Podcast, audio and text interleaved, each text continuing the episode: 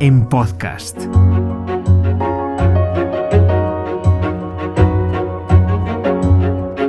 Moi bons días e benvidos a un novo directo de Alobeira Today.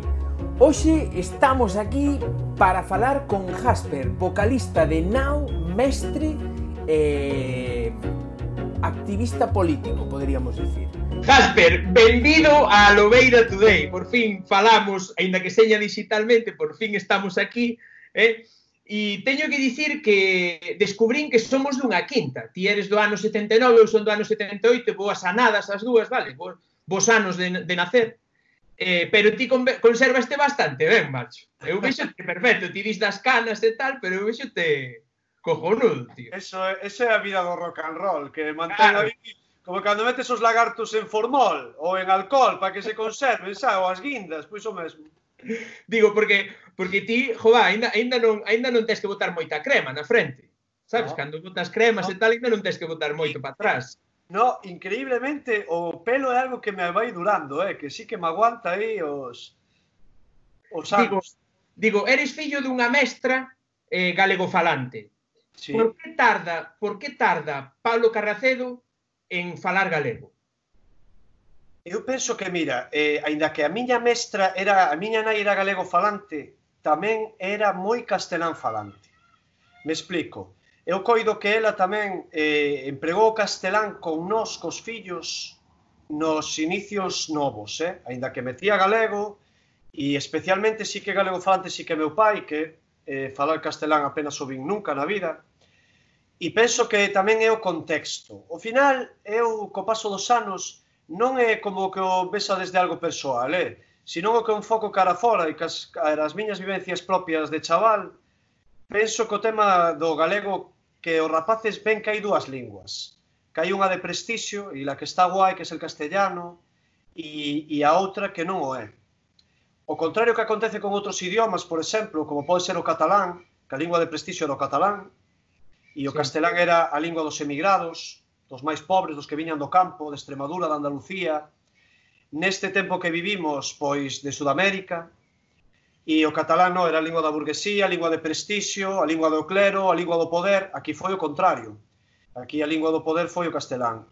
E vese claramente cando pasa a seguinte, cando pasa a seguinte reflexión que a ves, cando tes fillos, e vas con eles aos parques, ti chegas a un parque e hai un grupo de seis nenos falando galego e ven un falando castelán e ese non cambia o galego.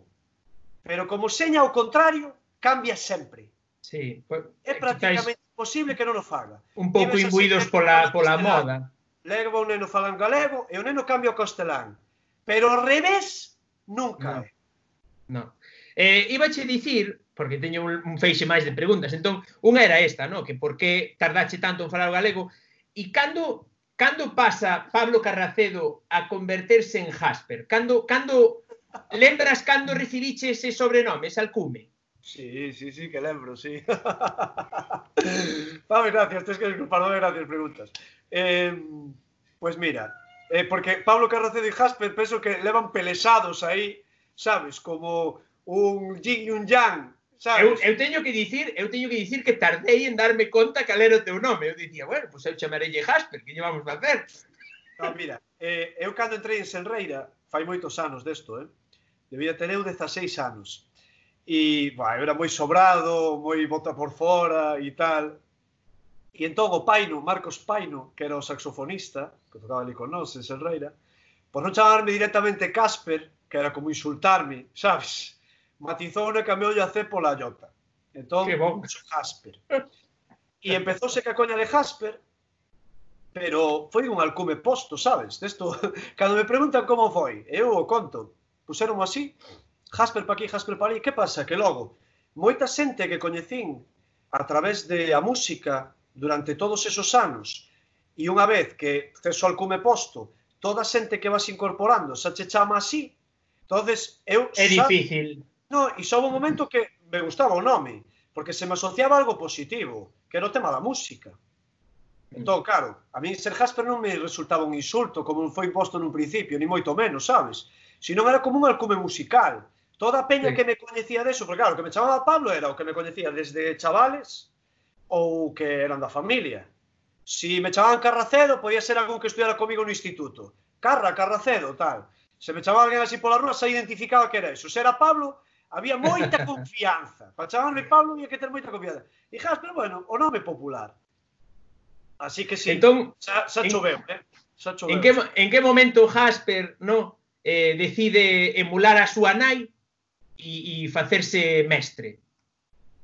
Pois mira, eso foi, eh, eu lembrome, eu eh, estudei no instituto, repetín, cou, cambiei de instituto, eh, e non sabía moi ben que como orientar o meu futuro estudiantil laboral, sabes? Mm. Entón, eh, o verame gustado facer veterinaria, que sempre me gustaron moitos animais, sempre tivemos en casa animais, non como mascotas, sino animais ganado e así. E tamén mascotas, claro. Eh, sempre me gustou moito a natureza, as ciencias, tamén me gustaba moito a química. Eh, fon as Olimpiadas de Química en Cobo, era algo que se me daba guai. Hostia. Sí, sí, sí, levoume o meu mestre Palacios. Eu era negado, tío, negado para a química. Eu era negado para a física, entón. Eu non, eu, a mí nada se me ven a física, tío. Fomos facer o rollo este que te fai a psicóloga do instituto de a ver por onde quieres ir. E ten unha charla contigo, sabes? E entón falei de, de química, que estaba sacando sobresalente en matemáticas, sobresalente en química, a ver como facíamos. E entón pasoume os comentarios que fan os chavales, porque agora internet, Pero antes non era así, eh, daban un fotocopias, eh? O que mm. comentaban os de primeiro curso. E comentaban que física 1 e 2 era o máis difícil de química. E eu en física era negado. Entón aí xa descartei.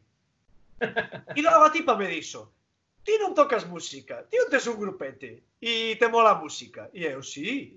E fuxe no conservatorio, eu, sí. Hai unha nova especialidade en magisterio que aparte, tú na é mestra, media familia túa é mestre, hai unha unha nova especialidade que se chama Educación Musical. Ah, así. Magisterio, magisterio Musical. Magisterio Musical. Así, sí. E nada, empezou ahora a primeira promoción e tal. Claro, porque a primeira promoción creo que foi do 93 ou unha cousa así, ou 94. E eu, joder, pois no 98 creo que acabei o instituto, sabes? Entón, creo que acaban de ser as primeiras oposicións por musical. E dixen eu, sí, ah, que guai. Entón falei nunha casa mira, que, porque claro, podía escoller entre meu pai, carpinteiro, traballando 10 horas o día, deixándose as mans ali no traballo, deixándose o lombo, chupándose rin, faltándolle a punta dos dedos... E quedando medio sordo tamén. Ou ter o curro de miña nai, que tes as vacacións dos nenos, dous meses. Que tal, tampouco é verdade, pero bueno. Sí, pero bueno, o curro Digo, de miña, que sí, o decía. Sí o curro de miña nai, claro. E entón me foquei por aí. Logo tamén, a min gustame ensinar, que é o tema, o sea, explicar as cousas. Sempre me molou eso xa desde chaval, sabes? E pararme ca xente a explicar de movidas ou tal. Tes paciencia. Sí, moita. Eres, eres moi paciente, verdad? Porque para, para, dame, dame a sensación... Para iso. Para ah, iso. Non para todo, eh? Ni moito menos. Porque hai quen digo isto, eh, se estará partindo co en casa. Este que vai a ter paciencia.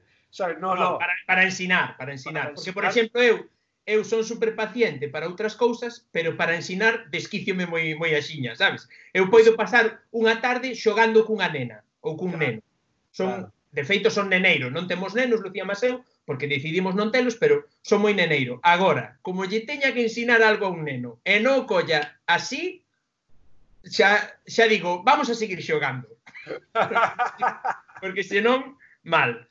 Ibache dicir que de onde lle ven, porque isto eu estiveme documentando un pouquiño, vale, entre comillo isto, un pouquiño, moi pouco, pero polo menos para non ir a cegas, non? Entonces, que forxa esa re, ese afán reivindicativo, esa personalidade tan reivindicativa que che levaría a formar parte de, de bandas como Xenreira, como Matraca Perversa e finalmente a formar nau e a, e a bandeirar tantas causas? Pois eu penso que basicamente, mira, eu me dá a sensación de que a xente que estamos deste lado da barricada, no fondo temos unha luceciña dentro, que, que nos, nos salta cas injustizas. Eu penso que xa desde cativos sabemos que non queremos que as cousas sexan injustas. Que xa non che mola que o gordito da clase chamen gordo. Eso xa o primeiro, sabes? Que ves que hai cousas que non deben de ser así. E logo tamén entendo que tamén eh, no fondo é unha loita de clases, eh? sabes?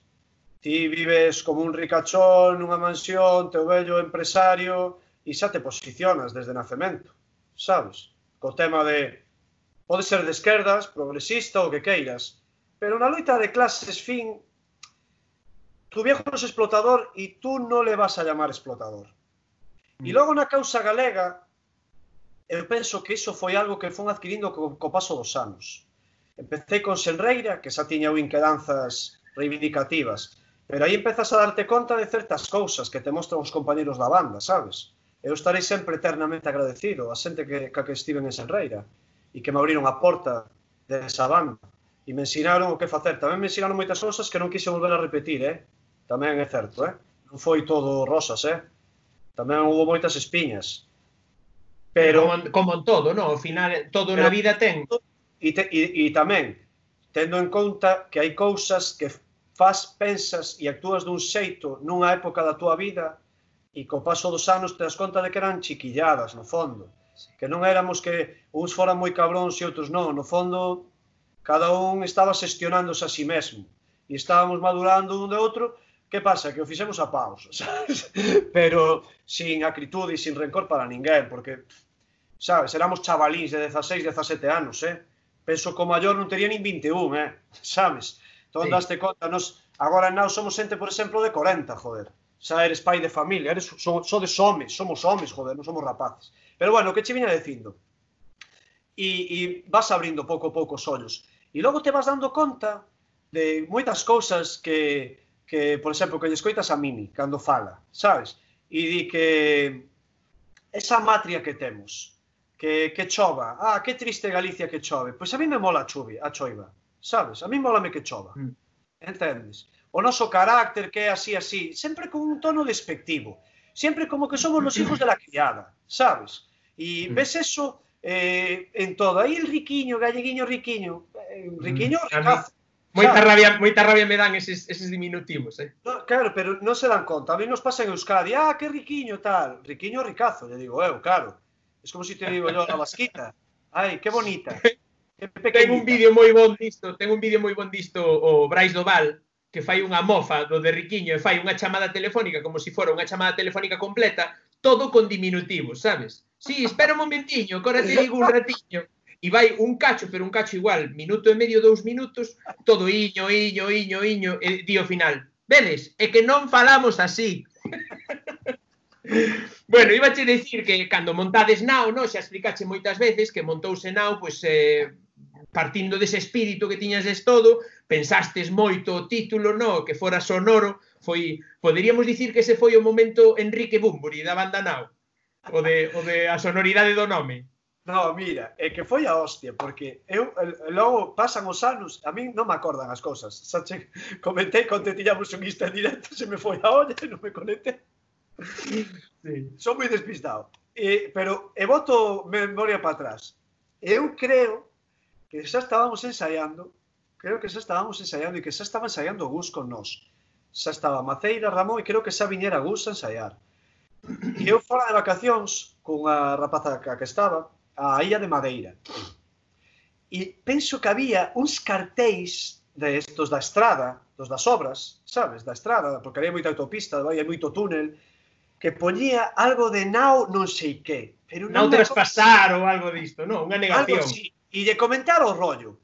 E eu, e por que non nao? E vos me decía, pero en portugués non, joder, porque aparte nós non empregamos o rollo en portugués nunca e tampouco ni sequera escribimos en reintegrado, nin forzamos hacia levar o idioma hacia iso, sino a naturalizalo. E ao final, eh, a tiralo hacia o normativo, sabes? Porque entendemos que debe de haber unha norma non vou entrar nisto de reintegrado normativo, sí. ni moito menos. Pero iso, eu que son mestre, iso, eu que son, eu que son iso, mestre. Digo, diso falarei o martes que ven, estamos grabando isto un xoves, eh, o martes que ven teño a, a Marcos tiño por aquí apuntado, bueno, ao presidente da mesa. Farelle ah. moitas preguntas dese tipo. Claro. Pero hoxe vamos falar... Iseu, non, non falábamos disto, entonces eh, e ao final pois, pusemos yo de nao como, un, como, unha, como unha nave, como un barco. E nos molaba, era directo, sinxelo, porque poñerlle un novo un grupo moi jodido, eh. Sí, sí, sí. Hai que darlle moito a chola, eh, moito, eh, para que pa se repita, para que transmita algo. Logo ves terbutalina, lle ponen terbutalina, esa funciona, sabes? En plan de, que non somos terbutalina? Ou Boyanca Costoma, no? que din pues, unha, unha alterofílica, unha tipa que facía alterofilia retirada e tal Ibache dicir, eh, cando, cando montades nao, partía xa cunha data de atraque ou iso xurdiu posteriormente? No, iso xurdiu posteriormente. En nao, que o explicamos moi ben no documental, eh, que está sí. piques de sair, eh, hubo moitos momentos nos que eh, tivemos a sensación de querer tirar a toalla, eh? porque víamos que o grupo non funcionaba, eh? porque víamos que empezou funcionando, se desgastou, os festivais non chamaban, e, e suponía esforzos titánicos de moito ensayo, moita pasta posta do bolsillo, eh, moito concerto, moito estar fora da casa, xa empezábamos a ter fillos, e, e ao final, un momento no que pensamos que tocáramos teito, e dixemos, pois mira, hasta aquí, nanos nos chega. Que pasa? Que logo o rollo me dou moitísimo máis. E claro. moitísimo, e moitísimo. Peña se loqueou e penso que tamén foron vos discos os últimos. Tamén axudaron a tes nome xa cando leas moitos anos e tes nome, logo se si fas vos discos, pois tamén o rollo funciona mellor, pasa a todos os grupos, sabes? Mira. Pasa, eu coido que iso pasa en todos os casos. Eh, Ibache dicir, porque eu teño che que ser sincero e teño che que ofrecer a miña desculpa, no? Porque eu chego a nau cando estreades Cultura Crítica, da, mau, da, da man da miña muller, que me di, mira que temazo. E digo eu, hostia, que, que chulo. Ainda éramos, Ti fíjate, cando estreachedes iso foi no 2018, por aí, non? Más ou menos. Sí, sí. Ben, pois eh, a min chégame e aínda éramos castelán falantes os dous. Hostia. Ainda éramos castelán falantes. Pero, pero ti eres, neo, ti eres neofalante. Sí, falabas neo, castelán? eu falaba castelán dende aí falo galego dende o 2018. Hostia. pois mira, eu a tua canle de YouTube non a miro tanto, pero o teu Insta sí que o sigo moitísimo e me sorprende polo tema das nomenclaturas, porque axudas mogollón a aprender o idioma, eh? Pero costa, eh? Sí, costa. pero, asud, pero axudas. Os xogos fagos coas nenas, sabes? Como se escribe correctamente, como se pronuncia, sabes? Sí, sí, sí. Pois, eh, teño que dicir iso, no? que eu descubro nau, son un nao tardío, ¿no? por dicilo de alguna maneira, ¿no? o sea, chegamos a nao por cultura crítica, logo empezo a bucear porque eu ó, a raíz de comezar a falar galego, todo isto xurde máis ou menos na mesma época, eu ao comezar a falar galego os dous, pois eu no traballo poñome algúns vídeos, no, de vou vendo por YouTube o que atopo, son da rúa, poetarras, vale, daqui da ría, vou poñendo cada vez máis música, máis radio, máis vídeos en galego, no, buscando iso e, e atópome a miña, a que hasta hoxe para min son as dúas favoritas, que son a Fala, bueno, vou dicir tres, a da Fala, do último disco, que me encanta, a de, a da Fala Esti, sobre todo faime moita graza ao principio da, da, da canción no disco. Despois, eh, a de Vampiros, que me encanta, además a referencia que lle faz no documental que falas de que os, os cativos dixeronche que cantabas cabreado, e é certo, tes cara de cabreado. sí que teño, eh? Sí que e despois flipoume, tío, porque se me poñen, aínda estuven escoitando a de vampiros e máis a de a que che vou dicir agora antes xusto de conectar, no? Que é a de Nós. A de Por Nós con Mini que, que estou namorado da voz dese home. O sea, pode dicir, pode ler un manifesto pro franquista que me da igual, mólame, mólame o ton de voz que ten, sabes? O sea, pareceme brutal, pareceme brutal. E volveseme a bloquear isto, estáme bloqueando todo o tempo. Entón, agora, ibache lanzar unha pregunta que, eh, eso, que coñecín todo iso, no? que che digo, e... Agora, vale polo medo, no, decidides que polo medo á disolución, polo medo a ter rencillas e para quedar ben e, e non, non desgastarvos máis, decidides poñerlle fin a nave e, e agora que? Agora, agora estou subilado e co coronavirus estou encantado en casa, vamos. O sea, Olalla no, pero está... refírome... Todos os eh, músicos... Todos, mira, to, se faría unha represión co Golaya que estivo falando co seu percusionista e tal. Claro, todos os que están en activo, co tema este. Eh, si eres unha banda que toca moito, un artista que fai moitos concertos, te acabas de poñer en seco desde marzo, eh? Sí. Había xente aí presentando discos, eh? Estaba Sés, Xavier Díaz, estaban as Tanxugueiras, estaba Guadi, e de repente, off. Cando aparte o verán é cando máis bolos faz. E se si tes trayectoria, o mellor levas a 10, 15 anos, 8, 6, facendo 30 bolos que dan. E acabas de que e teñen mono de escenario. Eu non como estou subilado... Pois esa era unha pregunta que che iba a facer porque eh, sabes que lancei o trebello de preguntas por Instagram e curiosamente a ti si sí había moita xente que che quería facer preguntas. E unha delas era de José Turbegal do dos Hacho Selfie que tuvemos outro día o directo con el que me preguntaba se si non votabas de menos os escenarios. Pois xa sabemos que non. No, de, mo de momento non. Ahora, tamén, estou facendo só un proxecto novo, eh? Eso vale, diso, diso pregunto xa agora. Quería eh, veño de ver colaboracións, no, de con con joder, teño apuntado aquí de verdade, eh, que son un caso. Bueno, con Broa, a, a canción que fixeche con Broa, de Sair o Sol, e máis a canción que fixeche con daqui da Ría son, no? Que fixeche sí. desde aquí da Nau. Sí. Iso que foron colaboracións puntuais ou pinta algo de proxecto aí? Son colaboracións puntuais con Broa, a ver, o seu batería, bueno, con Broa, nos coñecémolos a toda esta xente porque son de Cerceda, está Gonzalo de Machina, que foi unha banda que estuvo a par con Nau durante moitos anos hasta que se desfixeron, era unha barca que tiñamos esa competencia sana, de ter un estilo eh, un estilo similar e ver que eles facían os rollos con moi bo gusto, había un pique sano aí pola nosa parte e a súa, sabes, de que tirábamos un do outro e molaba. Ver dous da escena, cando empezaba a haber escena metal en galego, eh, que éramos nós e o batería era foi backliner noso de, do equipo técnico noso durante toda a xira final e solicitaron a colaboración e eu encantado. Aparte unha banda que ten un estilo que mola encántame. E con Gonzalo me levo señal, co baixista tamén. E logo de daqui da Nau surdiu porque a ver, faláramos de gravar unha canción pero facer unha cosa diferente. Tamén para mostrarlle a xente que hai, hai hai maneiras sanas de ter relación con outras bandas, porque aquí neste país hai moita envexa. Moita envexa, moito puñal polas costas, eh, xente que non eh, ve, ve no seu, na súa falta de éxito, sabes? Non se achaca a culpa a si mesmo, non, jódelle que a túa, e a culpa de que eu non teña é a túa, non asume a súa. E logo sí, botanche sí. sermoncillos e te soltan puñaladas por detrás. Existe moito iso. E nós con Daquila Ría, que era, teñamos unha boa relación, tivemos eh, momentos nos que non foi tan boa, tamén é certo, sabes? E a, a conseguimos recuperar. E queríamos demostrar ao mundo mm-hmm. que se poden facer as cousas dun xeito diferente. Que podemos facer unha canción xuntos, pero non que eles toquen unha parte nunha canción de Nao ou que Nao toque unha parte nunha canción de aquí da Ría. Daí sino, vengo de aquí da Nao. Si non, sino que vamos a facer un tema xuntos. Entón, vostedes saben unha idea? Si, sí, eu teño unha idea dunha estrofa. Creo que a estrofa puseron eles e o prestribillo, e o retronso pusemos nós. Logo, a letra, eu fixe unha frase, o retronso é de Gus, casi todas as estrofas son de Gabri. Logo se lle meten os ventos, logo gravamos a batería, e nos fomos ao estudio a ver como a montábamos. Montámola, arreglámola dúas, tres veces, eh, movímola para intentar facer un temazo no que estiramos cómodos e no que dixéramos o que queríamos contar. E o tivemos. Que pasa? Que non nos deu tempo a facerlle o videoclip e acabalo de mesturar antes de que acabara a nao.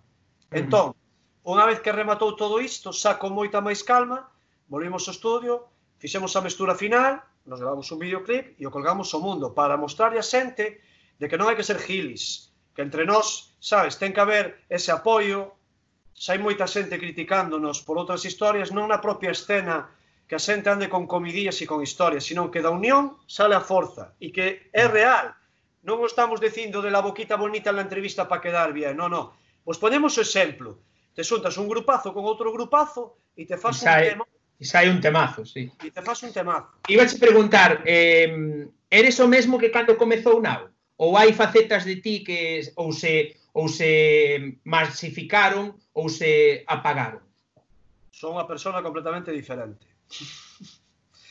me cambiou moito. E que, sabes que pasa? Mira, que cando me pregunta a xente, eh, levais, levades 10 anos, que cambiou neste tempo? Hostia, dos 30 aos 40 ti que che cambiou, sabes? Cambiei de traballo tres veces, tuve en fillos, casei, me divorciei, me volvíme a casar. Claro, fixe unha casa. Non eres o mesmo. Hostia, e que en 10 anos, 14 anos, sabes, que pasou? Entramos sendo dunha maneira todos e fomos construindo a nosa personalidade conforme fomos madurando, en idade e en maduración interior en 14 anos. Lóxicamente, somos persoas moi distintas, que mantemos a mesma mala hostia e o mismo a mesma lapa interior aí ardendo que tiñamos, sí. Eso sí, ainda somos peores, sabes? Poderíamos dicir que, que Now Now, o sea, Now como, como, como banda, como temas, como a música e, a, e o mensaxe, a mensaxe que transmite Now, podería chegar a ser a embarcación de xeracións futuras? Non sei. Molaría, que non? É moito decir. O que sí que, o que, sí que nos palpamos é que sí que houve moita xente que se subeu a esta nao, a este carro. E que houve sí que xente que empezou a falar galego a través de nao, houve xente que se empezou a comprometer co idioma e a comprometer políticamente, eso sí que o vimos. E houve xente que veunos como como abandeirados das súas loitas. Eso tamén o vimos, sabes? Penso que tamén foi porque tuvemos un compromiso claro a nivel nacionalista de esquerdas galego. Non nos hai xente que non, non toma partido. É raro que un artista tome partido políticamente, que lle faga un vídeo unha campaña electoral, de un partido en concreto, etc. Que, por certo, me parece me parece unha, o sea, unha maravilla ese vídeo. O vídeo de nós pareceme flipante. Nós tamén, si naquel Vídeo momento... Vídeo e canción, vamos, o sea, un temazo, vamos. Si tamén naquel momento o mellor hubiera sido BNG, que non lo hubiera pedido, yo hubiéramos dito que non, eh? Nos candidatura galega pensamos, eh, vimos que era algo que abranguía moito máis, que por un lado tiraba a careta a todo isto que despois se que chamábase AGE, que despois foi a Marea e todo isto, eh, era moito odio hacia o BNG crear algo novo, a raíz de romper, e romper e machacar e defenestrar e era todo moi a saltar los cielos e eu esa hipocresía mm, eu sabía que iso non era certo, que era propaganda, que ali había moito trepa metido, moita xente que non paraba ningún partido político e venía de soir de abajo, venimos de abajo de ninguna, no, no, só desa construción de partidos que xa existen, que ahora estademos minoritarios, que vos estades reconstruindo a través da marca 15M Podemos, para intentar tirar. E como foi nos candidatura galega, que sí que se fixo un proceso de asambleas, de que hubo xente que se sumou que non era do bloque, eh, para e iba na candidatura, dixémoslle que sí, e penso que foi acertado. E para nada, non só nos arrepentimos, sino que nos sentimos orgullosos e que pensamos que nos beneficiou. Houve xente que en aquel momento nos decía, vamos perjudicar, e eu penso que todo o contrario. A xente ve que si ti realmente o que dis o comulgas e o levas á práctica, pero sin vergoña. Se eu son nacionalista galego, a quen hostia vou votar? O bloque, joder. E se me chaman do bloque para ir nunha lista, vou na candidatura. Vou, claro que vou.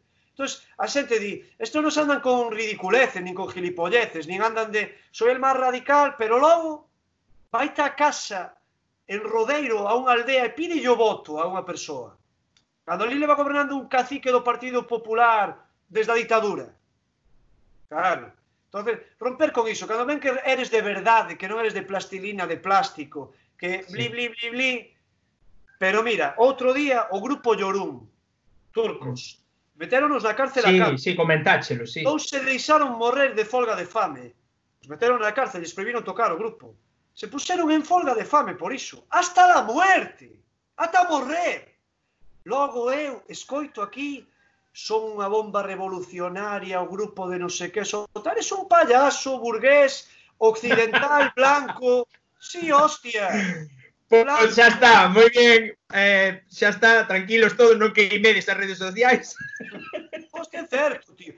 E heterosexual, cis, non tens problema ningún. Non tienes unha opresión ao lado destos, non tienes nada. No, Te eso está ser claro. Polga, en folga de fame porque te proíben tocar? No, non o vas facer. Se ni siquiera tomas partido.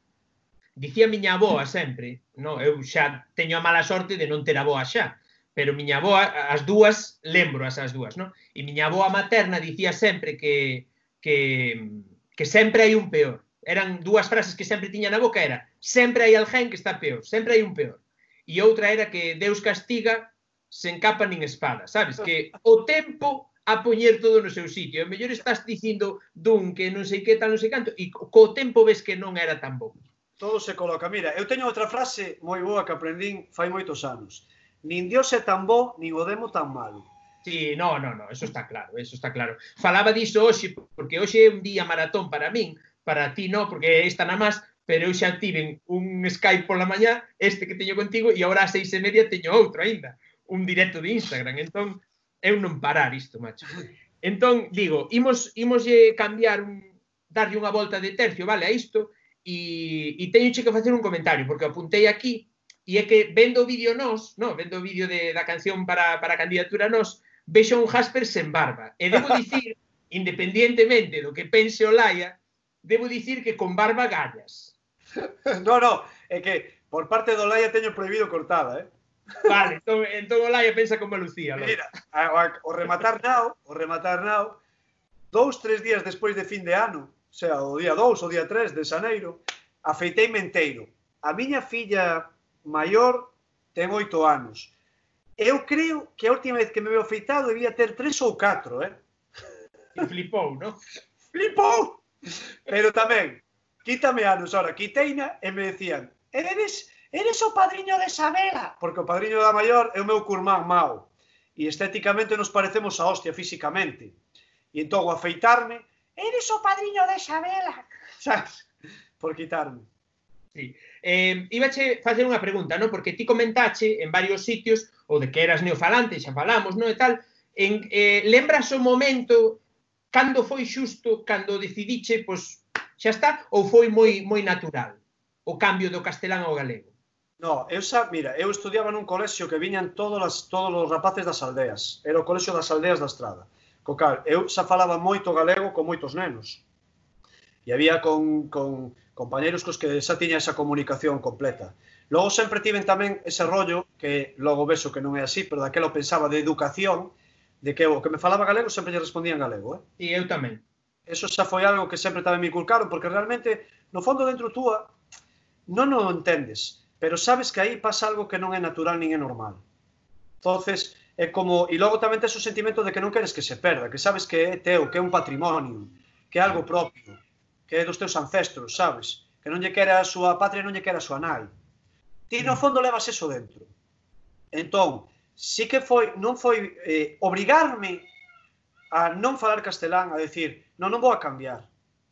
Sabes? Eso non, non foi doado, eh? Por eso tamén animo a xente. Isto non é fácil, no, veces, no, eh, non, non, é, non é. E votarás, Quizáis... e, hai, e hai con xente que coñeces da infancia, que, que sempre falaches castelán, que eu a día 12 eu a día 12 moitas veces doume conta de que estou falando con ela en castelán. Cando agora sácase nun comprego, eh? É prácticamente sí. imposible que vexas falar castelán. Pero vésome, como o curmán, o mellor. De repente estamos tomando aquí os cacharros outro día e cambiou castelán, sin darme conta. E sí, levo sí. un rato falando, que as miñas fillas modín. Papá, estás falando castelán. Entón, eu sempre bueno, digo... Eso é bon, eso é bon que cho digan, non? Sí, non é doado. Pero no, que claro que non. Quizáis, quizáis o momento máis doado é, pois, se estás nunha situación como a que estaba eu, que ao final eh, foi, a min, nos decidimos cambiar nun viaxe para Holanda. O sea, nos íbamos de Galicia e nun viaxe para Holanda, isto xa contei moitas veces, non? Dime Lucía, négome a non volver a escoitar falar en galego. Dixo así, además, en galego, non? E dixen eu, entonces cambiamos logo.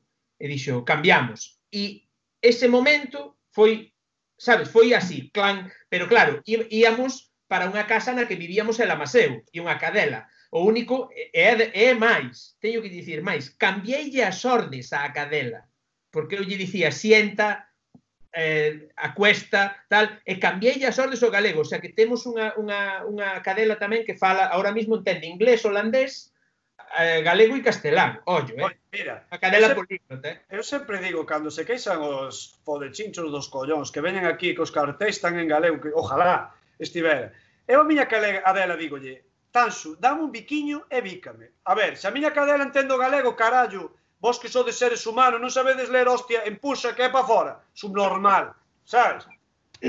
Sí. Si non, Ahora... E se non prova, joder, tampouco está tanto. Claro, prova, si, si non vais para dentro, tira. Se non vais para fora, burro, que eres burro. Miña cadela enténdeme ti non, home. Mira unha cousa, eh, que dirías que és, profesor ou mestre? Mestre. Mestre, verdad? Sí. Ben, esa era unha así rapidiña que tiña. Eh, dicías no docu de Apocalipsi Now que cometiche un erro o non asociar a túa profesión como mestre a túa carreira musical. Por que foi un error? Un erro, un erro. Porque te das conta de que non era necesario. Sabes que pasa? Era como vivir dúas vidas. Era ser un pouco hipócrita contigo mesmo. Era eh, é sacarte, sacarte o disfraz. El, o Benres te poso o disfraz de roqueiro e o luns quítalo para ir a traballar. No, é un momento que dixen, eu tampouco, nós poderíamos ter vivido da música, pero eu non podo renunciar ao meu traballo. Unha porque me encanta, outro porque económicamente é un traballo super ben remunerado. E a Gustavo pasa o mesmo. Gustavo claro. non vai deixar de ser médico, porque lle gusta salvarlle a vida ás persoas, porque lle gusta a carreira que estudiou, pero tamén nos gustaba moito o rock and roll. Como compaxinamos as dúas cousas? Entonces, que facíamos nun principio? Ti chegaba o vendres, poñías o disfraz de rockar e vas a tocar, e o lunes cun resacón del 15 te quitabas o disfraz e ibas ao colexio e ao hospital. Que decidimos facer e, e a veces custou que non, nós somos os mesmos sempre. Eu son o mestre roqueiro, Gustavo é o médico roqueiro, non hai máis. Somos o mesmo. E era unha, era unha barreira, cando explico aí non se entende moi ben, pero era unha barreira mental que eu me poñía. Non é unha ruptura de decir, por que non fixen, que me arrepinto? Arrepinto de que non estaba sendo sincero comigo mesmo, cando logo os rapaces, moitos siguen a nao, moitos yo poñían as nais. Teño pais que son super fans da banda que lle caso non, pero super fans, que o regalo de Nadal é un regalo de nao, o sea, unha camisola, unha sudadeira, cousa deste estilo, eh? sabes? E entón digo, por que había que escondelo? Non estaban facendo nada malo. No, ao, final, claro, claro. ao final naturalizámolo, naturalizámolo. Sí, deci, eh, Tamén teño por aquí apuntado, no? pois eh, eh, que, claro, xa te vimos iso que falábamos un pouco antes, no? xa te vimos tocar con Broa, xa te vimos facer o, o, a asociación esa que fixestes daqui da NAO e tal, e agora podesme adiantar algo sobre proxectos futuros ou todavía aínda é secreto, secretísimo? Primicia para Lobeira Today. Vou non facer en primicia, porque onte tiña un Insta en directo contigo e non, non o teléfono. non te sintas obligado por iso tampouco. Pero esquecín del na casa. E cando cheguei a casa vi as chamadas, caguei, vai seis santos do ceo. Vale, Oga, tío, además, además nesas ocasións, claro, eh, eu, eu son un tipo que a min a miña a miña imaginación boa. Sabes, como non teña noticia no momento, Sabes? Boa, e empezo, joder, e, e non sei que, e, e pasaríalle algo, e, e pensaría que tal, e non sei que, e rajouse a última hora, sabes? E empezas a, a montarte unha pelota e dicía, e eu falaba yo a Lucía, a miña muller, no? e dicíame, tranquilo, home, xa ponlle, deixalle un mensaxe e xa che contestará. E dicía eu, pero cómeme vivo a ansia, tío. Mira, eu que fago? Últimamente o móvil aparco na habitación. Deixo ali, estou pola finca traballando, sabes? Non me enteres. Iso falaremos, iso falaremos tamén. Se si me vou co coche non. Bueno, vou adiantar en primicia. Estou facendo un novo proxecto. En principio un formato trío. Eh, o que vai a ser o bloque duro do, do o seu bloque tanto ideolóxico como bloque musical. Sin detrimento de que logo decida incorporar máis xente. E máis ou menos xa sei o estilo que vai a levar e as cancións xa temos feitas É algo máis é algo máis tranquilo do que era nau a nivel de estilo musical. E vámoslo facendo pois con cariño e, e lentamente, porque estamos experimentando. Porque o ser un estilo que eu non estou afeito, quero que estea ben. Xa, xa, xa falei para producilo con Iago Pico, que nos produciu os últimos discos de Nao, e xa sabemos máis ou menos a intención que lle queremos dar en estudio. Pero de momento vamos a deixar que pase todo isto do COVID, vamos a seguir facendo as cancións, e a nosa intención era gravar a fin de ano, que, a finais de ano. Que pasa? Que de momento claro. non pode cambiar de provincia, que vou a facer? E, e ten nome ese proxecto? Sí, Ou ainda non? Pero eso de, ten nome, pero de momento... De momento nada.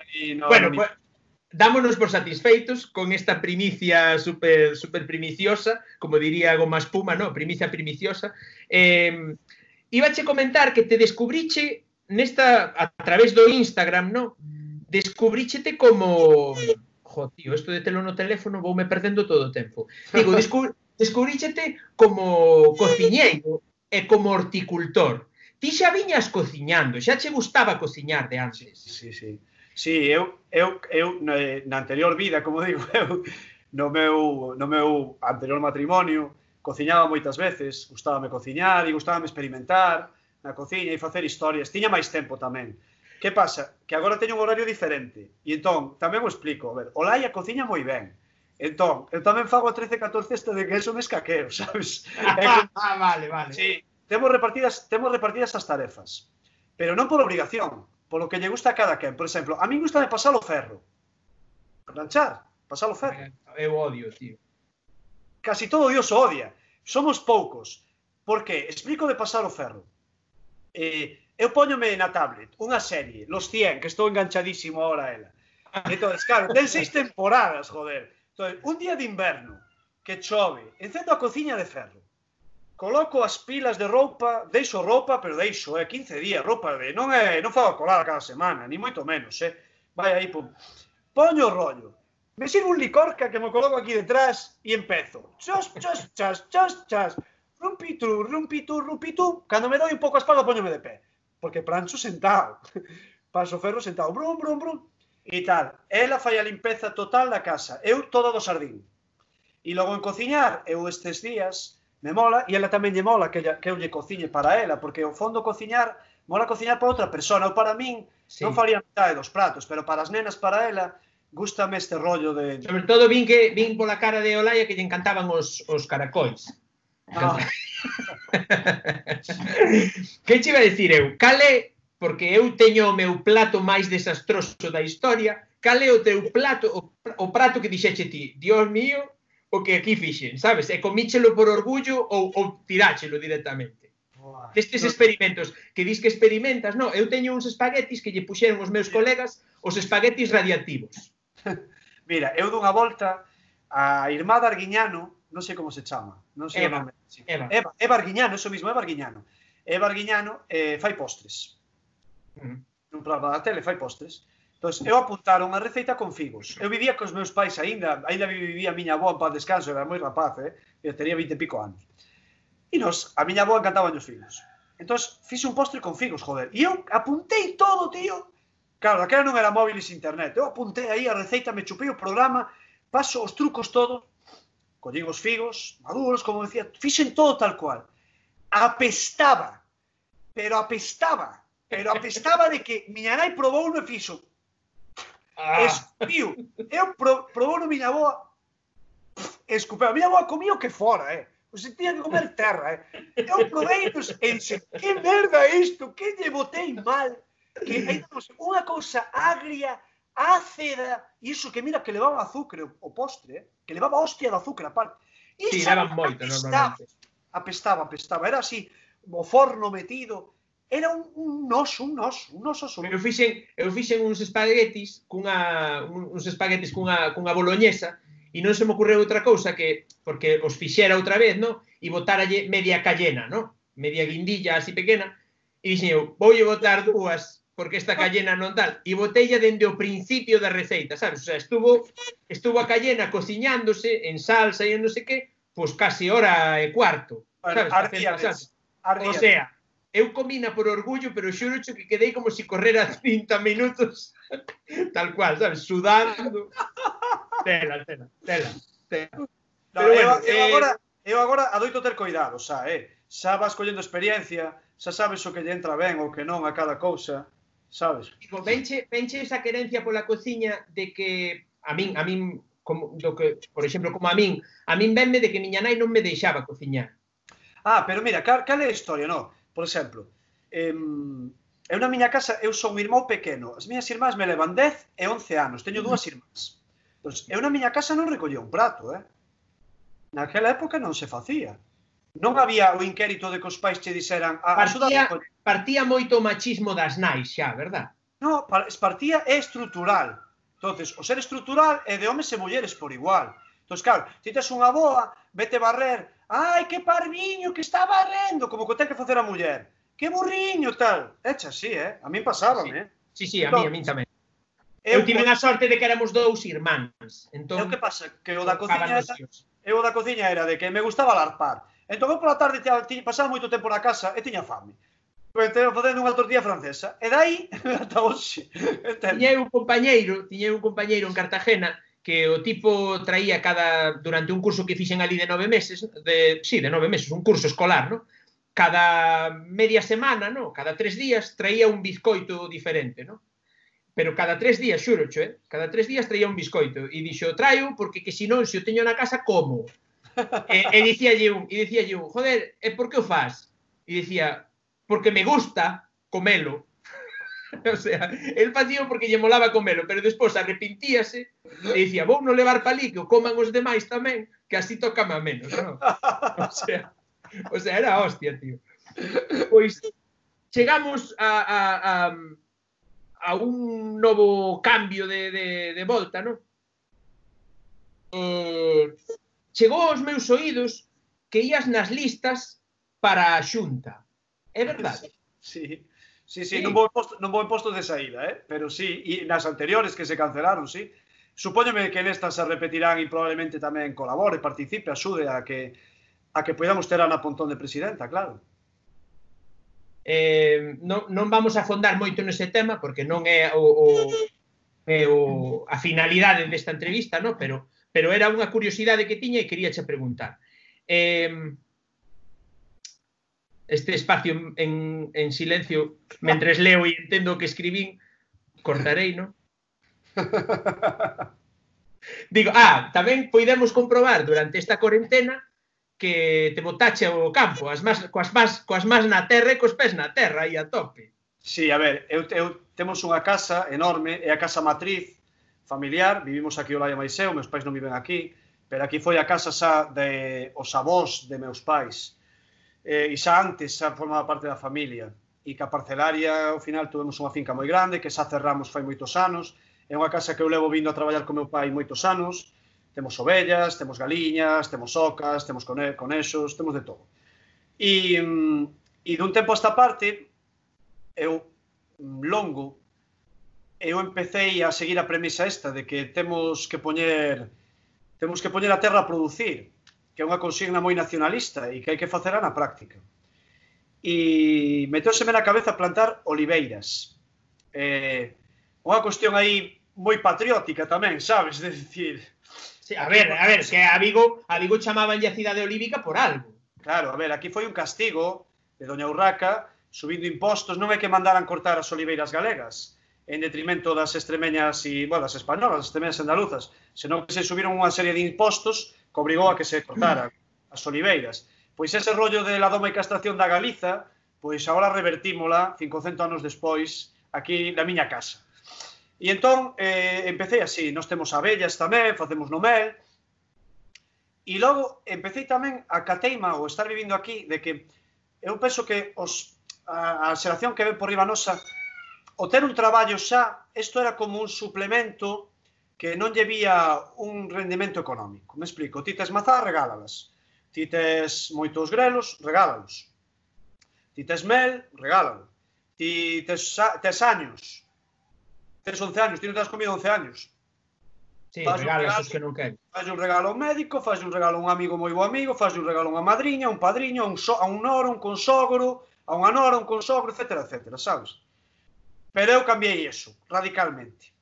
entonces atopei tamén con unha persoa da estrada, que tamén é compañeira eh, do Bloque Nacionalista, que ten na Praza da Estrada, ten un posto. entonces toda a froita, que nós aquí non lle damos tratamento de ningún tipo químico, toda a froita, a mellor que teño, levo para que a venda ali. E con el facemos o mesmo, e cos años facemos o mesmo. E entonces de verlle o rendimento. entonces eu durante moito tempo tamén desexaba, porque no meu traballo empezas eh, de funcionario e botas aí traballando os 35 anos ata que te subilas. Non cambias de traballo, cambias como moito de colexio. Non tes sí. eh, temporadas de paro, non tes excedencias, a peña non se colle excedencias, é raro. E eu sempre desesaba, aparte, como nunca solo fixen isto, sempre tamén o grupo, o outro grupo, ou o, o sindicato, o bloque, ou a política, sí. sempre saía de casa a sete da mañá, chegaba ás 11 da noite. Poder disfrutar da casa, cadrome nesta pandemia Entón, eu o levo da hostia. Por qué? Porque te reencontras ca casa matriz, plantas no horto, estás cos animais, dáslle forma a moitas cousas que queres facer, que si de poda, que si de xardín, que si de todo. E que non tiñas oportunidade de facela porque o estrés continuo e a vida claro. está acelerada na que vivíamos na anterior normalidade, que era unha puta subnormalidade, unha merda, porque corríamos, corríamos cara adiante en carreira hacia o precipicio. Que ao final te pasan dez anos E os últimos dez anos pasaron así. E non fixeche nada. E fixeches moitas cosas, pero dá a sensación de que non fixeches nada, certo? Sí, como dices. Sí. E eu estos meses me están cundindo como se foran anos. E me puxen en modo traballo co meu vello, unha vez que xa eh, partemos a cuarentena, e bumba, bumba, e a mallar como locos os dous, e axudarnos un ao outro, e tamén, estou disfrutando do meu pai como non disfrutaba nunca. Estou disfrutando da miña parella moito, estou disfrutando das miñas fillas, claro, porque to, os pais vanse tamén, eh? O meu ten 77 anos, eh?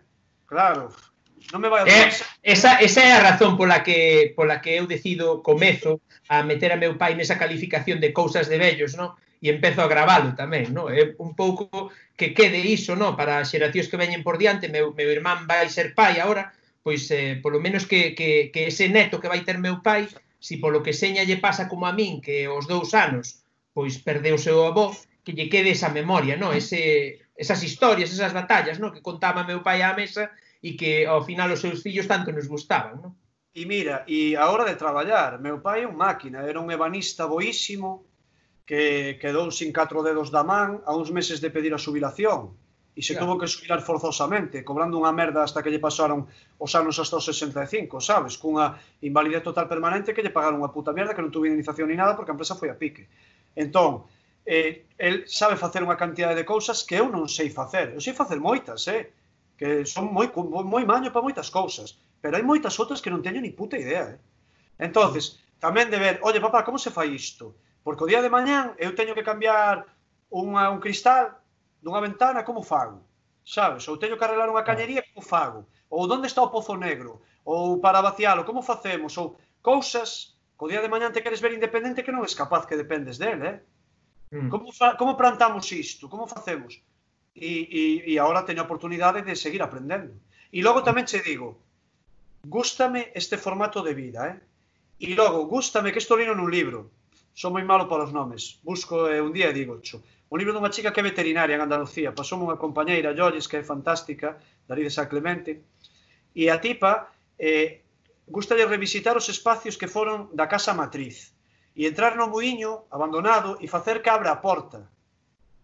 Repisar os pasos dos seus antepasados.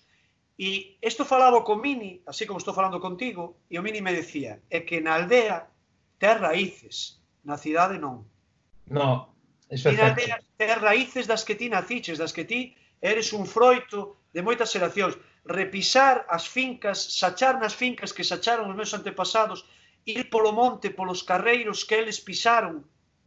Eso mm. para min ten un valor especial, que me reconecta comigo mesmo, cos meus antepasados e ca miña nación, e ca miña terra. A min, a min é, é unha das cousas, iso que dís, no? de, de rememorar e repisar eses pasos, é unha das cousas que me molan do que fago a nivel gravar aos vellos, falar con eles, estar ao mellor 3-4 horas ali co vello así, sabes? E irlle, irlle tirando da lingua, irlle tirando da lingua, que conti, que conti, que conte. Despois lévame un tempo inmenso acotar todas esas conversacións, darlle forma, pero no momento eu xa estou aprendendo.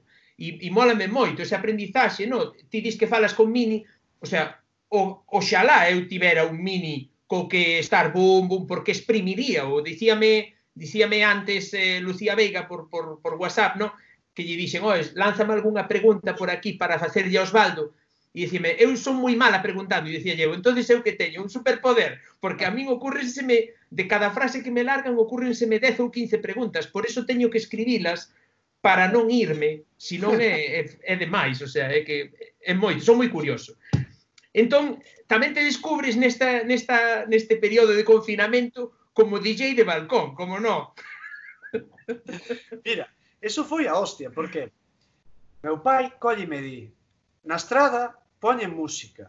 Vos por que non cantades polo balcón? E eu. Entón comezo a lalla. Que maldita gracia que tiña. Entón tiña dous altavoces do ensayo de Nao de Bilbao. Entón Olalla empezou a cantar e houve veciños que saíron a aplaudir, porque ninguén aplaudía. Logo, polo grupo de WhatsApp da Asociación de Veciños de Sanxonse de Cereixo, empezaron ali abaixo, no lugar de Pernaviva, salir Chelo do Rejo, que é actriz, fai teatro, é a hostia, é cómica, humorista, é unha crack. Co megáfono hai que quererse, bicarse, non sei que, paseándose por ali a berrar. E escoitábase a nosa música posta polo Lafres ali. entonces eu tamén empecé a poñer, claro, po quórum que temos, daqui de vellos e vellas, porque aquí non hai ninguén sobe. Entón, caía Juan Pardo, caía...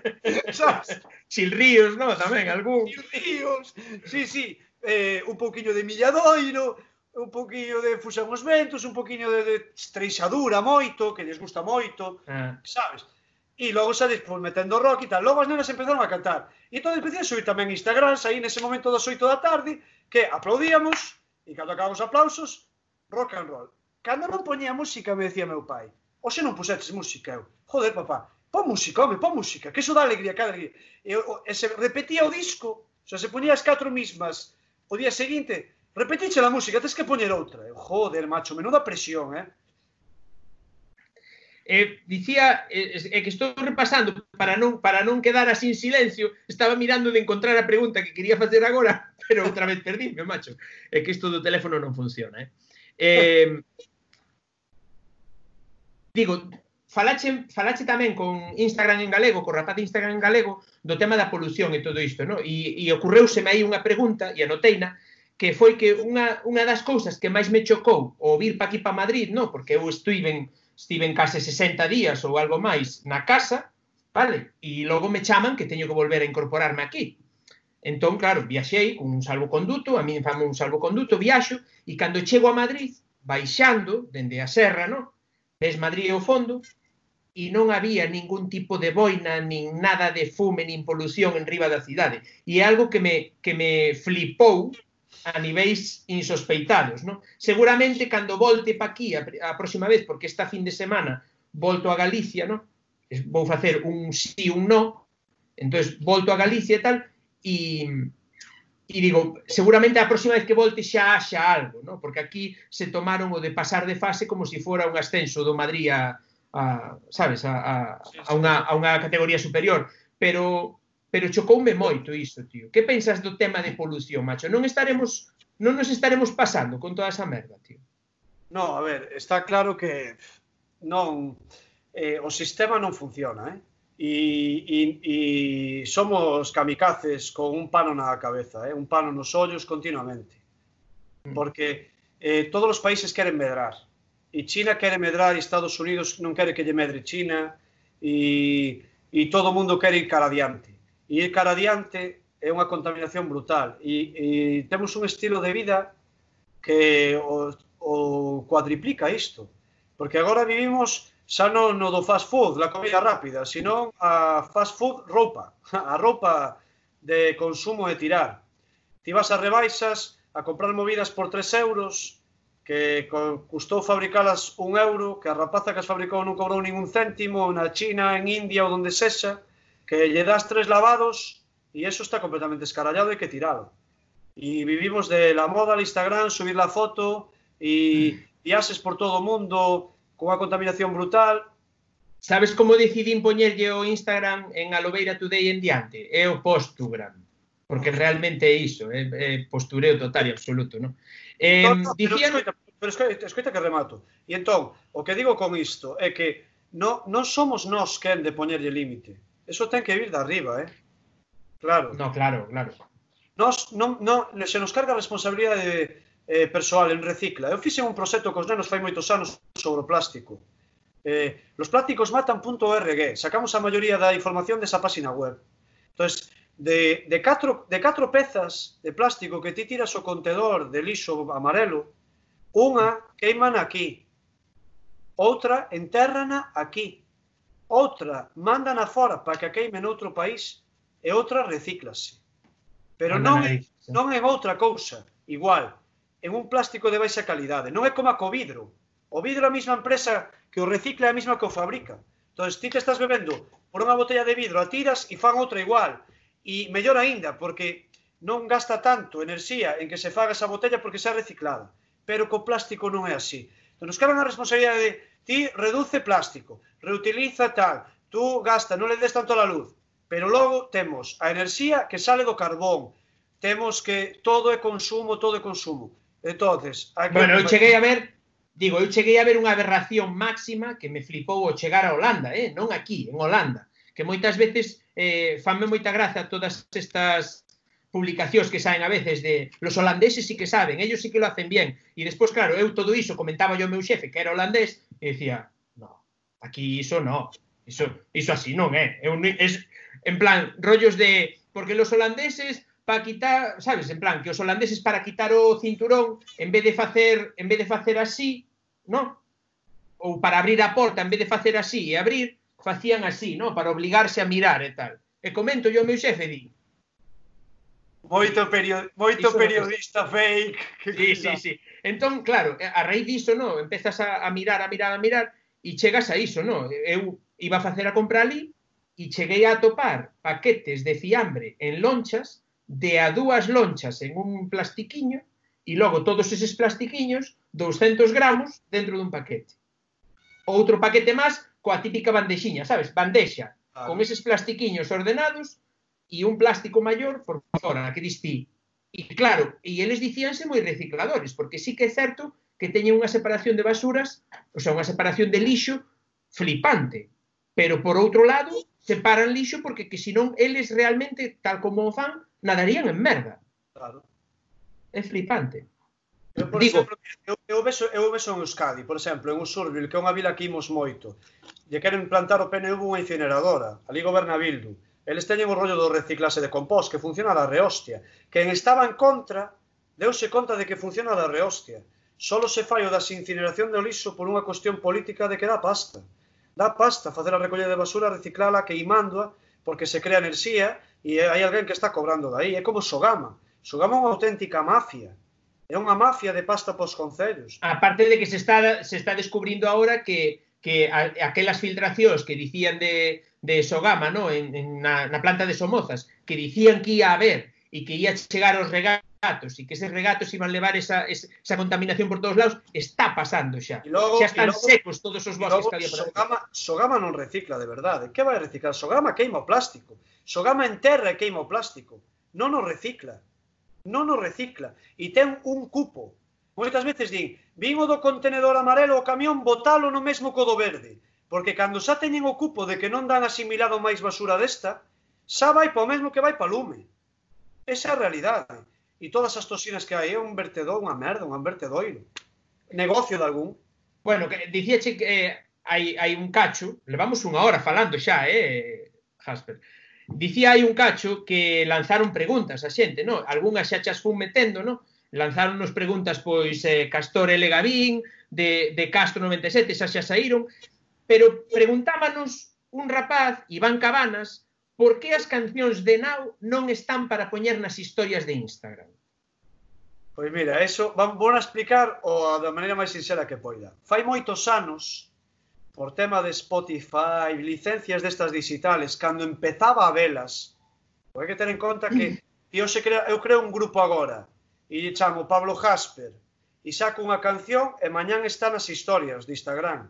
Está nos contratáramolo non sei nin con que empresa. Eh, cando quisemos, deixamos eso morto. Logo anos despois, todo o mundo está en Spotify. Quería que nao estivera. Para poder meter os temas en Spotify, tuvemos uns cristos de licencias por ter saco un pasado e todo. O final, que resumimos disto? Que nós intentámoslo por activa ou por pasiva. Ser quen de que a empresa Rutenote, que é que traballamos, non lo fixera e non somos quen non se pode facer. Co cal a xente que se olvide porque a música de Nan non vai estar nas historias de Instagram. Porque non, non somos capaz de facelos por problemas con licencias. Entre pelesas entre a que tiñamos contratado nun principio no ano 2005, do, no, 2008, 2009, creo que era, si, sí, 2008, 2009, que foi cando foi coas túas mans, e ca que estamos co, agora mesmo. Digo, fixeche unha cousa moi chula que me flipou moito cando vin a, a, cando vin a historia, non? Estiven incluso a chamarte. Eh, que foi o de ofrecer o, o teu servicio de escoitador, non? Ou de conversador. De en plan, oes, ao principio, sobre todo, non? Que o necesite, joder, que chame, que non hai problema, eu paso que me mande un mensaxe privado, eu mando o meu teléfono e falamos, tal, pareceume super guapo iso, non? É algo que, non sei, pois eu nunca era tampouco, tampouco tiña moito tempo, pero... Mira, eu teño fama de non ser bo escoitador, eh? de ser máis ben bo falador, eh? de que non deixo falar a xente. Eh? Pero cal foi a historia, joder? Vía moitos colegas no principio da cuarentena, sabes? Moita xente que teña agregada no Instagram e eu ao final fago un amigo da xente, o sea, eu non é que teña mil xente aí que siga e me siga. Ao final teño interacción con eles, para mí son coleguillas. A xente isto pode tomalo con, gasto, está de coña. Non, non estou de coña, porque te beso joder, de todos os putos días, e no teléfono non se te era adiante, te vexo máis que a moitos colegas que teño na miña vila que lles perdo a pista, sabes? E vin que se tiraban das paredes, que había peña que estaba para o suicidio, eh, o principio da cuarentena, eh. Que se xestionaba, xestionaba mal o encerro, porque tamén, claro, eu teño un encerro nun paraíso terrenal, pero hai peña que está nun piso en Compostela que ten unha ventana, colega, co gato, eh.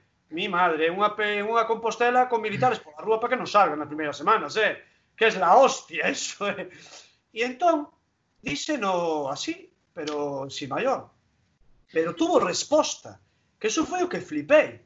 entonces hubo xente que sí que se atreveu. E o primeiro foi Darío.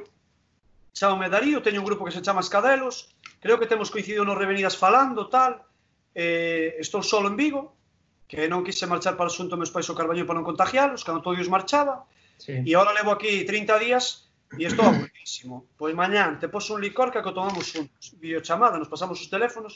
Logo, un chaval que foi campeón de España de, de taekwondo na categoría de exhibición, Alex Corredoira, que tamén, que estaba en casa, medio rayado tamén, e tamén chamou. E logo un chaval de que está por Burela, que se chama Bruno, majísimo, que ese foi co que máis falei. E hasta desde o monte nos temos chamado e tal. E coñecéndonos. Eh, crees, crees, entón, crees firmemente en, en, que, en que isto pode valer para, para establecer amizades, o sea, as redes sociais son as novas interaccións, non? Claro, joder, a ti, contigo mesmamente, no, no, 20 en persona, chegamos a ver. Sí, chegamos a coincidir no, no, no concerto de despedida, vímonos algo, un rato, eh, vímonos eh, unha aperta e tiñas que ir xa. Eh, que algo me sonaba, dicen, eu este tío vino, pero claro, no último concerto Claro, non, no, aí xa non estabas para iso. No, xa para que estuvera, xa manda huevos. Con todo o que tiña encima. De feito, de feito dixera ya Lucía, jo, molábame chegar antes para, para o rollo das firmas, ter un cartel firmado, tal, non sei que, pero que va, tío. No, entre unhas e outras temos unha amiga, temos unha amiga que era na casa que nos quedábamos, entón quedámonos ata o final con ela na, na, na tenda na que na que atende e tal. Fomos con ela ata a casa para que nos dera unha copia das chaves. Bueno, ti sabes, tío, ao final sabe Mira, eu, eu ese día tiña unha responsabilidade encima de ter que cantar tres horas e pico, eh? Que nos foron, ah. de concerto, de, de voz foron eh, dúas horas e corenta, eh? Anda narices, eh? Sí. Non, non sei que, que eu canto. Eso, eh. eh, no, no, eso que calculábamos que iba a durar, pero durou tres horas e corenta, unha hora máis. Sí. De música total hai tres horas, que vai salir no DVD. Tres horas de música, sin parar. Bueno, o que che decía con esto. Nos mesmamente, joder, Isto serviunos para eh, forzar un colega, unha amizade. Sí, sí. Eu cando te dice unha aperta, porque te escoita, síntote cercano, porque temos interactuado, sabes, temos falado un co outro. Entonces, eu as redes sociais creo firmemente que sirven para facer amigos, por suposto, non hai diferencia. Sobre todo o que pasa, claro, hai que fuxir de esos estereotipos de mira mis abdominales, la tía que tiene buen culo, toda la foto de culo, siempre el filtro, porque tal, no, claro, eu con esa peña que de, de plastilina non vou a ter relación, pero cos que somos de verdade, sí, sí, é certo, pero cos que somos de verdade, e falamos un co outro, e nos mostramos algo das nosas vidas en redes, porque nunca nunca posa foto de cando estás jodido, se posa foto de cando estás guai na piscina. Algún hai tamén, eh, de cando Algún estamos... Hai, Pero o 90% é cando estou na piscina. Eu non poño fotos de cando estou sachando, eh? E doblando o lombo aí na finca, eh? Sabe? Poño cando acabo. Gravo un vídeo de cando acabo, mira, estos son os pementos, estos. Non estou aí eu cando estou sacando esterco, boto toda a puta tarde sacando esterco. Claro, non está o Lalla gravándome. Entón, prefiro a que sempre poso unha parte, pero que esa parte é real.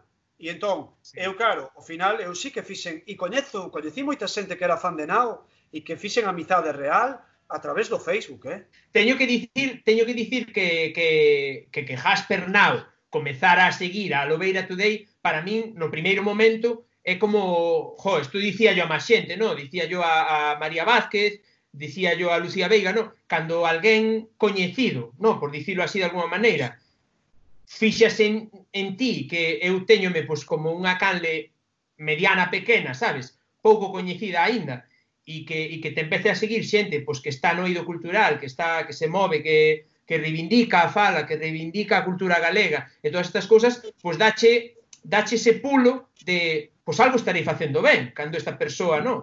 Eu, eu yo comentaba o Laya cando descubrí a tua cale, porque os vídeos estos cortiños que subías explicando movidas, que tiñas o rollo? A min o mellor non era eh, o que me estabas explicando era o que me interesaba especialmente, pero tes un xeito de falar Sí, eso flipoume, flipoume. Unha prosodia, sabes, que engancha, tío. O sea, eres, bo, eres moi bo comunicador. Entonces, ter esa chispa de que tes a chispa entre a gracia, a prosodia, a hora de falalo, e como contas a historia, que adornas de puta madre, sabes? Eso é difícil. E non hai moita xente que o faga, hai poucos youtubeiros, moi poucos. Entonces, é, é, é un rollo que joder, eu o beso e é un e no fondo entretemento. E nestos tempos sí. veuse que é imprescindible o entretemento. Ai, eu, doume, eu doume conta que eu que non pertenzo a ese mundo, nin quero ser do mundo do entretemento, sabes? E que subindo historias a Instagram entreteño a vida moita xente. Houve sí. peña que se queixaba ao principio de os que tedes casazas, deixade de ensinalas, pero hubo outros que comentei eu, joder, anda peña dicindo isto. Eu se quere non poño nada. Pero hubo peña que me decía, no, mira, eu estou solo con miña filla en Vigo, me dicía unha chica, estou solo con miña filla en Vigo, a mí me dá puta vida verte por aí cos cans e facendo o rollo. Entonces, no, a mí me mola. E a xente lle mola o cotilleo, ver as nosas vidas. Eu tamén o entendo, sabes? E a min, xa un momento que eu tamén cerebralmente rompín o rollo de que, joder, xa hai un momento no que hai xente que xa te recoñece. Xa o rollo da privacidade, non tes tanta privacidade. Eu se vou por Compostela, por certos ambientes, eu sei que entro que a xente sabe que son o denao e que xa te miran máis. entonces sí. non vas a poder, non vas a poder andar con un amante de ganchete por la zona vieja de Santiago, non, porque te van a pillar. Claro, o sea, esa privacidade xa rompiches. Sabes? Si estás nunha esquina vomitando porque a pillaches gorda, te vas a joder porque te van a poner un, un live, eh? O sea, métetelo na cabeza. Sí, sí, sí, sí. Entón... Eu, a mí fixome gracia porque coñecín mesmo na, nese concerto de despedida de Nau, mentre estaba tocando os teloneiros e tal, pois eu fixen unha quedada, no, de dicir, oes, quen se queira chegar aquí, pois estou na zona dos food trucks e tal, na zona da, das gastronetas, que como diríamos en galego en castelán, no, gastroneta, non food truck, e estou por aí comendo algo mentres non empeza nao e tal. E, e achegáronse tres ou catro persoas, encantoume de verdade, coñecelos, tío, mola moito, a mí molame moito desvirtualizar a xente, non? Isto que estamos facendo é moi bonito, pero a mí molaríame máis estar aí na estrada, entendes? E pegarlle un paseo cos cas e toda a pesca, non? É que mira, eu hubo, eu hubo xente que nos seguía nao, que logo coñecina en persona, e enganchamos e somos colegas porque interactuamos moitas veces vía Messenger, vía tal, e empezamos jiji, jajaca, coña, e ao final se conseguían amizades. Co cal, desmitificar isto. E logo por qué? Porque a maneira que temos de ser nós e de pensar non hai moita xente como a nós. entonces isto crea unha rede, unha rede de apoios, de xente en común. É como o día do último bolo de Nao, hai 2.100 persoas que máis ou menos pensan algo parecido Están aí apiñadas, está claro, están en todas partes. Claro, está claro que o 100% non vamos a coincidir nunca ningún.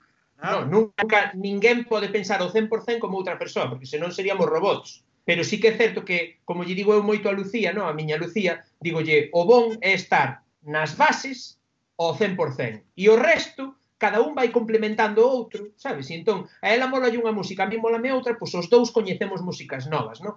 E como iso todo. Entón, todo isto levame, bueno, tiñache que mencionar iso, ves, non tiña apuntado o da prosodia que me que ese día ese día me drei unha cuarta, como dirían os vellos, no? O día que me di Jasper de Nau, que tes unha prosodia que flipas, primeiro tiven que ir ao dicionario a buscar o que significaba prosodia, non no vou a negar, pero cando vi o cando cando vi o que significaba prosodia, dixen eu, hostia puta, sabes, isto quedaste ti dicindo, ostris, o que me dixo, macho. E digo yo a Lucía, sabes, enseñolle a mensaxe a Lucía e dime, mira, ves? ves?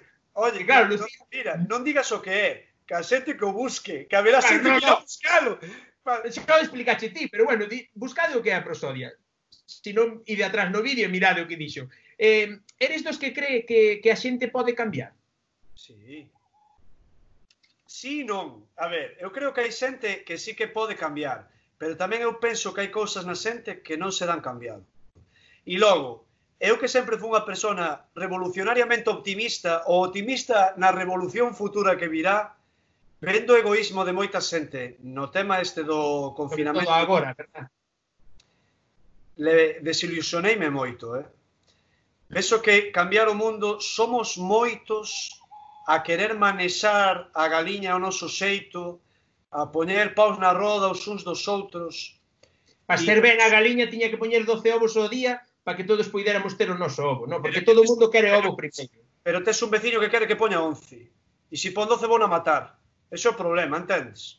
Sí. E, e, e ves que... Isto lévame a un conto, no, que fixeran o rollo de que unha enquisa, no, de que pedirías, decían ya un, no, que pediría vostede si do que pida vostede lle dou dous, lle dou doble ao veciño, dixo, sácame un ollo. E, e hai moita xente, moita máis xente da que cremos, que é así, que non quere que os demais teñan máis que el, e queren eles primeiro. Eu, eu estos días o beso, e ao final ten que ser un cambio de sistema total. Por que hai dous coches en cada casa? Por que? Para que ter unha boina negra encima de Madrid, para pudrirnos o planeta. Temos que ir á estrada todos os días a mercar. Pero claro, ti dilla xente que lle quitas esa liberdade. Que eu non podo sair daqui de Cereixo, non podo ir á estrada a comprar, se teño que teño que ir en bicicleta ou paso o bus unha vez a semana. Mátante. Pero no fondo, o que estás facendo é que te estás cargando o planeta. Te estás matando a ti mesmo. Por que narices é máis barato comprar unha mazá que acaban de coller verde en Ecuador, metela nun transatlántico e vaciala no Porto de Vigo e comprala en unha estrada? Ou ti en Madrid, ou ti en Madrid que non ten costa e vai a Ecuador, porque é máis barato que unha que é de Galiza. Ou unha que planta un tío aí na Sierra Por qué? Non pode ser. Non, non pode ser.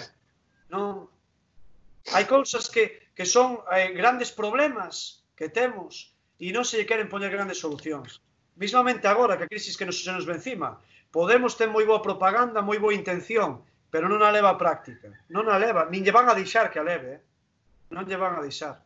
Ao final pagamos a luz carísima en Galiza cando somos produtores. Por que non se nacionalizan as eléctricas? Hostia, Porque a ver quen lle quita aí a golosina aos grandes ricos, que son os que controlan. Claro, os da porta xiratoria tamén. Non, entón, non nos damos conta diso.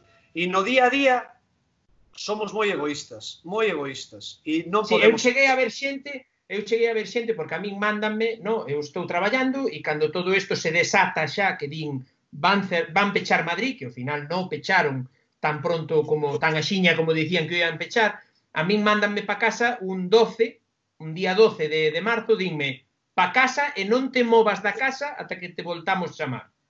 E dixen, bueno, pois pa casa, o 13 collín un coche, ese mismo día, o 12, xa alquilei un coche, baleirei unha habitación enteira, que iba o coche que parecía o dos, o dos musulmáns cando van a Francia, sabes, de viaxe, que van cos colchóns e tal, faltaba mo colchón nada máis encima posto. Pois levaba o coche a tope de cousas e tal, e arranquei para arriba, non? E cheguei, e teño que dicir que ou a única viaxe que fixen foi a deixar o coche na, na casa de alquiler e a facer unha compra o día 13, o día 14, perdón, o, o sábado 14, que aínda se podía sair, que aconsellaban non sair, pero aínda se podía, fomos facer unha compra grande, non? Ben, metime na casa e eu non saín máis. Vale, pero xa, xa facendo a compra, xa flipei con determinados comportamentos de dicía yo outro día non sei a quen, porque claro, isto, isto estou non facendo todos os días, entón falo de máis. De xente chegar, meter a man a balda e baleirar toda unha balda, ao mellor de latas de calquera cousa, baleirala para o carro e non deixar nin a primeira. E eu iba con Lucía e dicíame Lucía, non, deixa un par delas por se acaso ven alguén detrás e necesita. Tío, pero ninguén pensaba iso. O sea, ti facíalo e chegaba alguén detrás e collía as dúas. Pero mira, sabes o que é peor? O peor que é? O peor é que compras pasta e non tes a ninguén celíaco na casa e compras a pasta de celíaco e non queda. Si a miña filla é celíaca, como alimento, si vos levastedes todo de celíacos. Joder, un compañeiro meu, a filla é celíaca, e, e dis que acabou facendo o pan na casa. Tiña que, que mercar as fariñas, eu, eu, eu, as fariñas de arroz, eu, todo isto. Eu olía celíaca e fixemos eso, pan na casa, tiña claro. pastas e torróns e logo outra alimentación, porque a ver, o celíaco tampouco ten por que comer pasto, se podes comer o que queiras, porque claro, podes comer pero... sacas arroz, verduras, etcétera, etcétera, lentellas e o que faga falta. Non sei, eu vi moitos comportamentos moi egoístas. Logo agora con estos, con estos as ratazas estas extremas de Vox e todos os calletanos estes, toda esa bazofia, salir á rúa manifestándose así con esa alegría e como se si acabaran de ganar o Mundial cando acaban de palmar 30.000 personas, bueno, mira, como a boitres encima da carroña oposición mezquina ao goberno, e me dá pena tamén ver que a política acaba sendo isto, tío. Eso tamén é unha reflexión que me decepcionou moito nestes días. Vamos a acabar sendo isto, o sea, vai haber unha oposición a todo o que faga un goberno elexido democráticamente pola maioría dos votos dos que votamos, colocamos a un goberno en coalición ou permitimos que se investira cos nosos votos. Os que non ganaron van a estar a fake news, a guerra, ataques persoais. Sí. Cada, catro además... anos, os catro anos que dura a legislatura facendo a oposición máis mezquina que existe. Pero de verdad vai a ser isto? Porque eu si vai a ser isto, eles queren un alzamento. Alcémonos e matémonos. E a ver quen queda. Uh, claro. no, por favor, no. No, Eso no, no, no, digo, escoita, escoita, que se me miran as palabras, eh? E non se me saquen de contexto a onde van? Camiño de que? Da barbarie. Claro, sí, a, a, o, o camiño é a crear tal falaba esta mañá, a crear tal dicotomía que vai ser insostible. E que mira, o que final, nos vai levar, nos vai levar a disolver cortes e a voltar a facer no, eleccións. No, no, no, e que ao final cando medras, pero pero é un problema civil, eh, social, eh. Ao final cando medras isto funciona así. Ti estás no teu traballo e tes unha de Vox. E eu son independentista e teño que traballar con ela. Non me queda outro. Claro. Entendernos. Non me queda. Eu si no meu colexo hai 20 mestres, sabe, 12 votaron o Partido Popular, porque as enquisas salen aí. E eu traballo con eles. Pois eu o que non podo é crear unha confrontación claro. a nivel social de, de, de esta barbarie cando non se va a pasar a las armas. Porque se se va a pasar a las armas, que pasen ya. Esa está. A ver que pasa. No, pero que crean? este mal rollo, este pero continuo, mezquino e non que sei parece, que parece que si vas falar con alguén e é de Vox, xa lle retiras a palabra e xa non falas con el. Hostia, porque pero non... que te, escoita, pero que eu me ves obrigado a retirar, eu sinto, comportamentos fascistas non tolero, nin racistas. No, no, pero refírome, enténdeme, no, no bon sentido, no? que alguén de repente che di que lle vota a Vox e desta xente que a veces che sorprende, que diste, buah, pois pues non, non esperaba, sabes? porque é razonable falando, porque no, no, ten no, pero, de vista pero eu, eu entendo, eu entendo por que, por que lle poden chegar a, a votar a vos, que lle chegan a votar. Calquera colega que te estivo eu, eh, de repente te ven. Bueno, eu teño moito, xa te digo. No, no, é que che di, é que son cazador. Pero ti és de esquerdas. No, no, pero eu son cazador. E os únicos que me defenden son Vox. Eso pasou a min, eh? E dixen, pois eres un subnormal. Foi o que dixe, eres un puto subnormal. Porque detrás de eso, de que dices que te defenden, todo que te joden. E todo que nos joden a todos partido racista, partido xenófobo, partido fascista contra as mulleres, que nega a violencia machista, etcétera, etcétera, etcétera. Pero entonces, claro, ahora vamos á dicotomía de hai unos superfascistas a los que non le pasa nada e hai unha esquerda a la que se le pegan hostias, se le quitan a pelotas de goma los ojos. E a estos no. Entonces tamén, eu ahora estou vendo que dis, joder, eu a policía xa nunca tuve en alta estima, as cosas como son, eh? Pero coño, ahora ves si dis, mi madriña, la Guardia Civil la tenemos que disolver, porque es que aí no queda uno que sea de centro. Son todos de extrema derecha. E no ejército, si te quitas os sudamericanos, o resto macho de levantar la zarpa e que No, hai, hai de todo. Eu, eu que estou E na dentro... policía, e na Policía Nacional de 200.000 hai dos que votan a Podemos e el resto son de Fuerza Nueva. Xa podes ver Jusapol.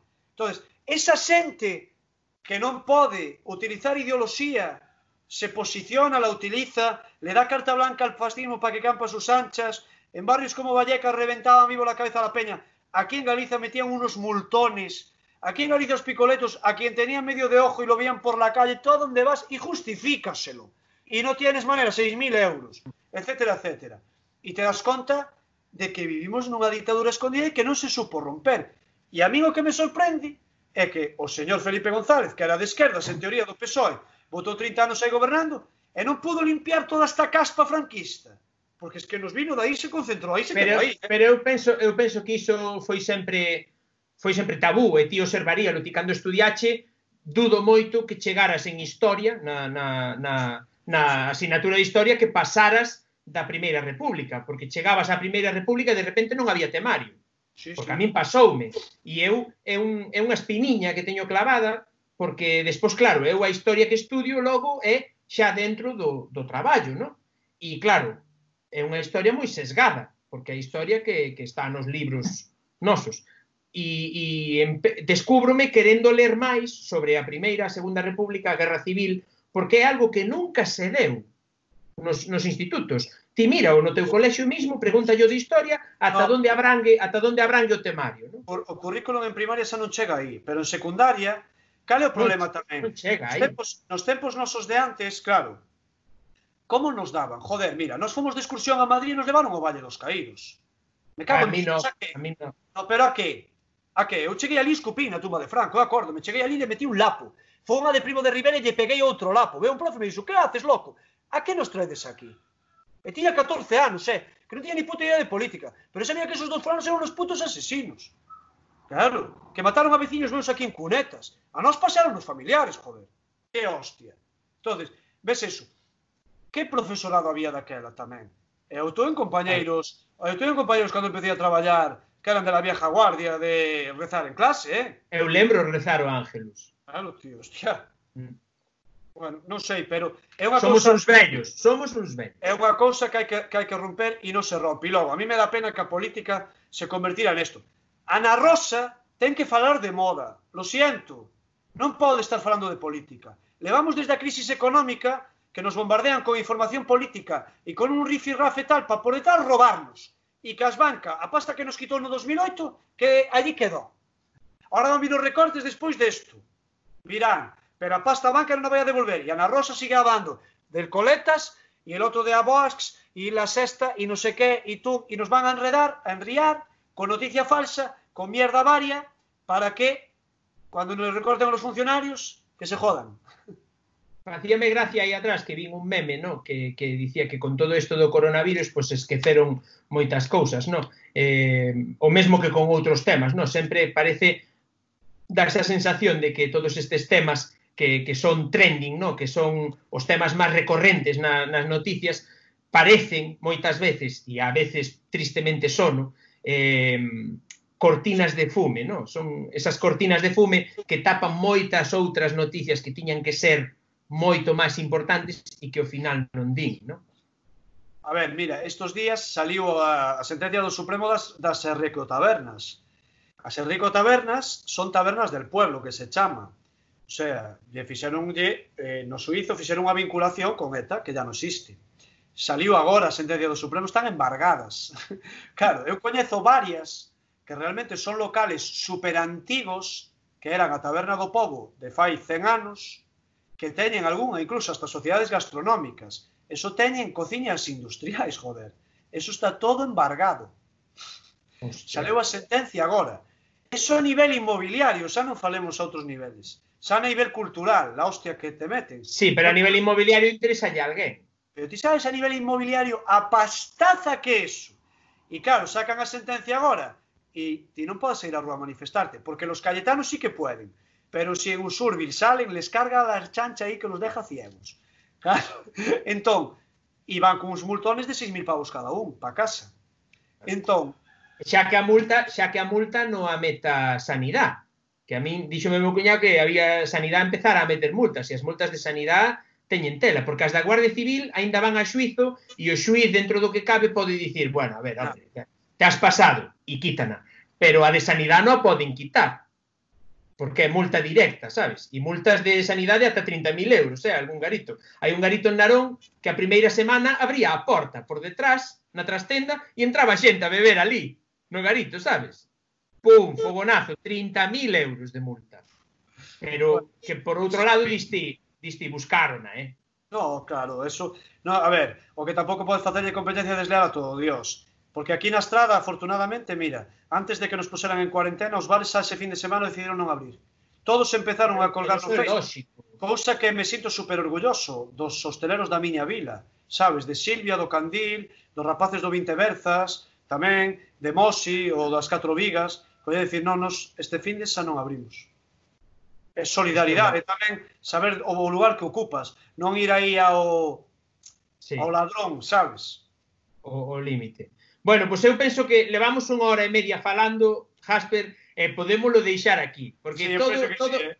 o demais xa que falemos xa é divagación pura e absoluta. Xa podemos estar aquí, sacar o licorca, se eu tuvera, claro, e poderíamos estar aquí xa outra media hora ou eu, outra hora máis falando. Eu merco licor café en garrafas, garrafas de 5 litros, eh? Si non, non chega, eh? bueno, pois darche moitas grazas por, eh, por todos os teus comentarios, por así por, a, por atender esta esta conversa, aínda que fora un día despois do que do que marcáramos. eh, a vos que, que chegastes ata aquí neste neste nesta conversa con Jasper eh, unha persoa maravillosa, como podemos comprobar aquí, é moi comprometida, eh, darvos as grazas por chegar ata aquí, e como sempre digo, vémonos noutra e apertas. Aperta.